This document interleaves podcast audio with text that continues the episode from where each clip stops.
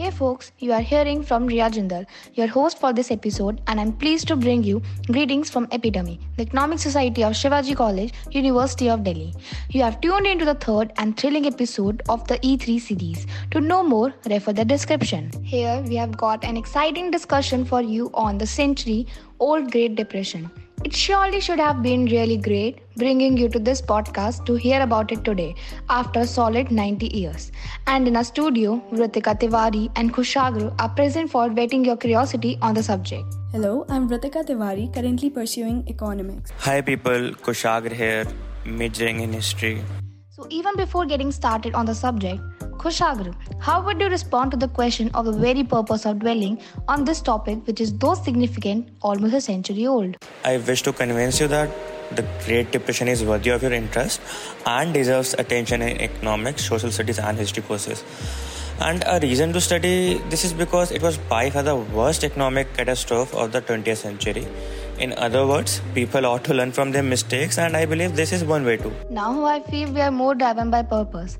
Thank you for that convincing answer. Ritika, I would like you to throw some light on the same from an economic lens. Definitely. So, from an economic lens, one purpose to know the Great Depression owes to the sheer magnitude of the economic collapse. Also, this event is a great tool for teaching important economic concepts like inflation, deflation, GDP, and unemployment. Amazing. So, this will shun any doubt that arises about the purpose of this podcast. Okay, so getting into the details now, what do you mean by the Great Depression? If you could describe it in a nutshell. Sure, so this phenomenon began in the United States in 1929 and spread worldwide. It is the longest and the most severe economic downturn in modern history, where you could see steep declines in industrial production and prices, mass unemployment, and in turn sharp increases in rates of poverty and homelessness. That's a perfect outline for it. But what could have gone wrong? What if I may ask, ate the smoothly sailing boat of the US economy to take a noxious turn? Answering it your way, I'd say two winds swayed the boat. First, the stock market crash of 1929 shattered confidence in the American economy, resulting in sharp reductions in spending and investment. Second, banking panics in the early 1930s caused many banks to fail, decreasing the pool of money available for loans. Oh. They do sound like really strong winds. However, how did it go about so heavily damaging life? The depression simply wreaked havoc. It devastated the US economy. Almost a third of all the banks failed there.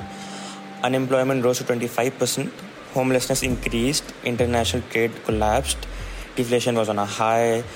At the store, the prices of chicken and eggs dropped heavily, yet many families went hungry. Hard life.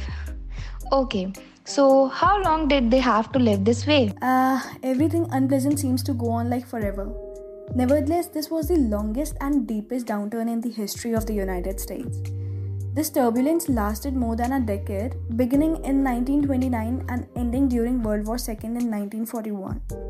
Surely cannot imagine living then. So, Kushagra, if you could mention its impact on India, it would be great. Of course, its impact on India has been hotly debated. Some argue it slowed industrial development, some claim it had only a small impact in India's secondary sector. But till 1937, exports and imports fell drastically, and the railways and the agricultural sector were the most affected. Alright, Vritika, I believe you would make a great teacher. How would you explain the Great Depression to kids? I wish I become one. Surely I'll give it a try. So, the period from 1929 to 1941 was a time when America's economy was not working well. Many banks failed, many people lost their homes, and many farmers lost their farms.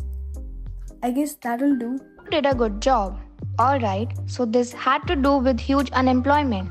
Digging a little deep, how could the breadwinners of every family then make it? Certainly, it was not easy. Every day they would set out to walk the streets in search of jobs.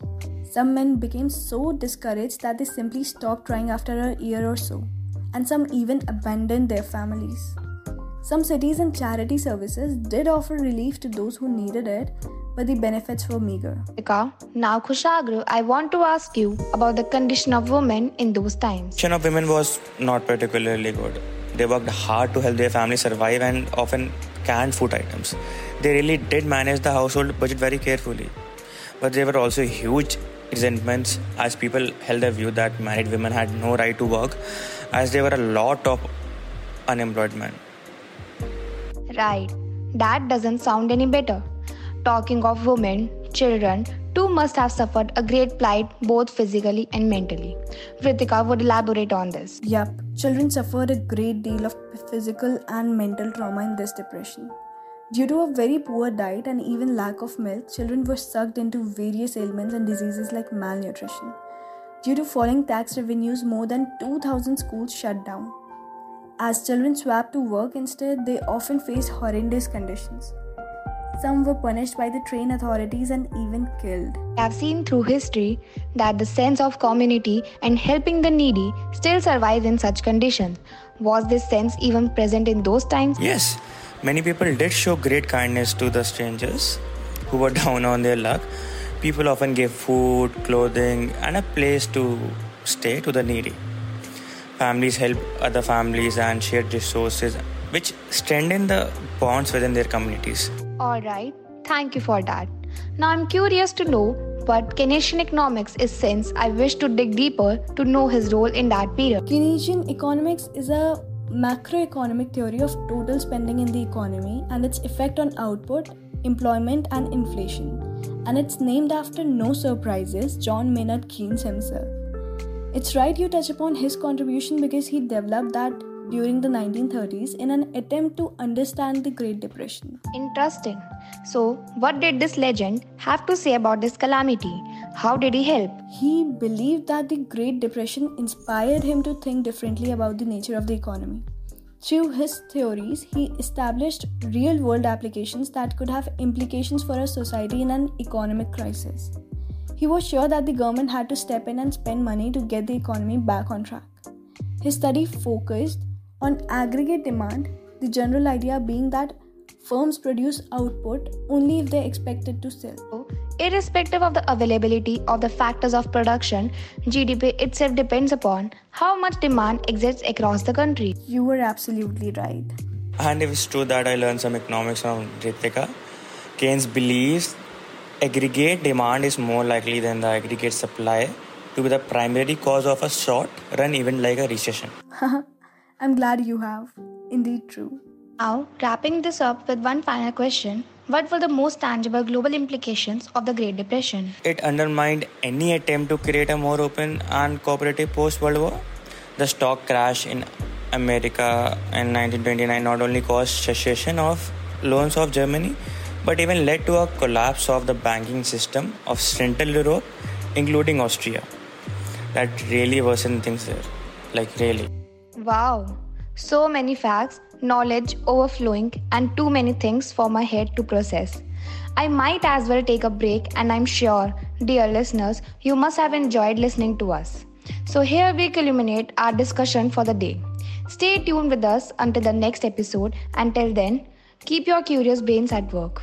Keep listening and learning. Thank you and adios. It was great talking to you guys. So, bye, guys. Take care.